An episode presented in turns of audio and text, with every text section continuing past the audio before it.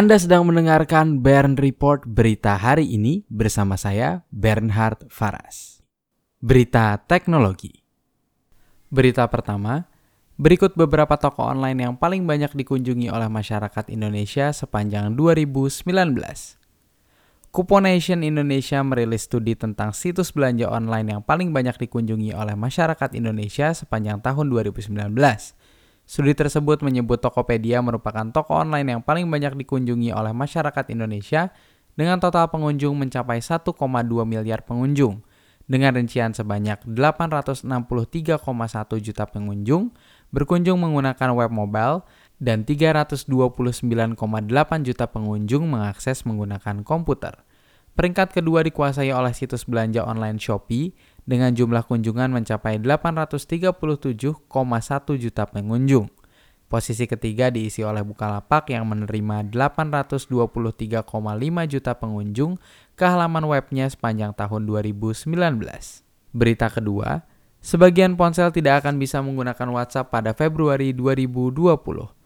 Facebook mengatakan tidak akan mendukung perangkat dengan sistem operasi Android versi 2,3,7 atau Gingerbread dan sistem operasi iOS 8 mulai tanggal 1 Februari 2020.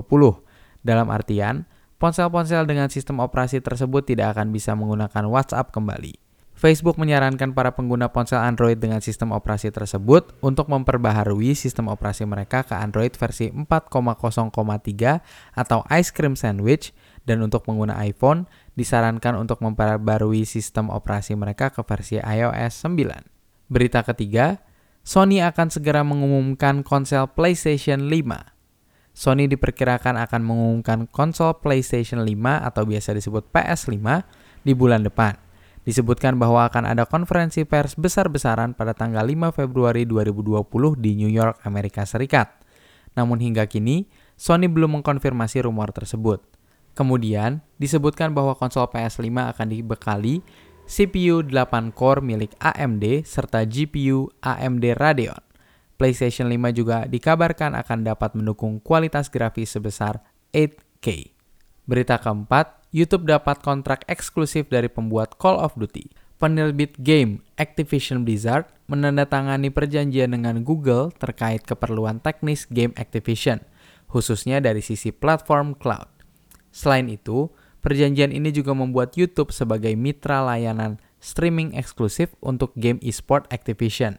Kesepakatan ini merupakan kemenangan besar bagi Google di tengah persaingan mereka dengan Twitch yang merupakan pemimpin pasar dalam layanan streaming game. Berita kelima, smartphone Pocophone generasi baru siap rilis Februari 2020.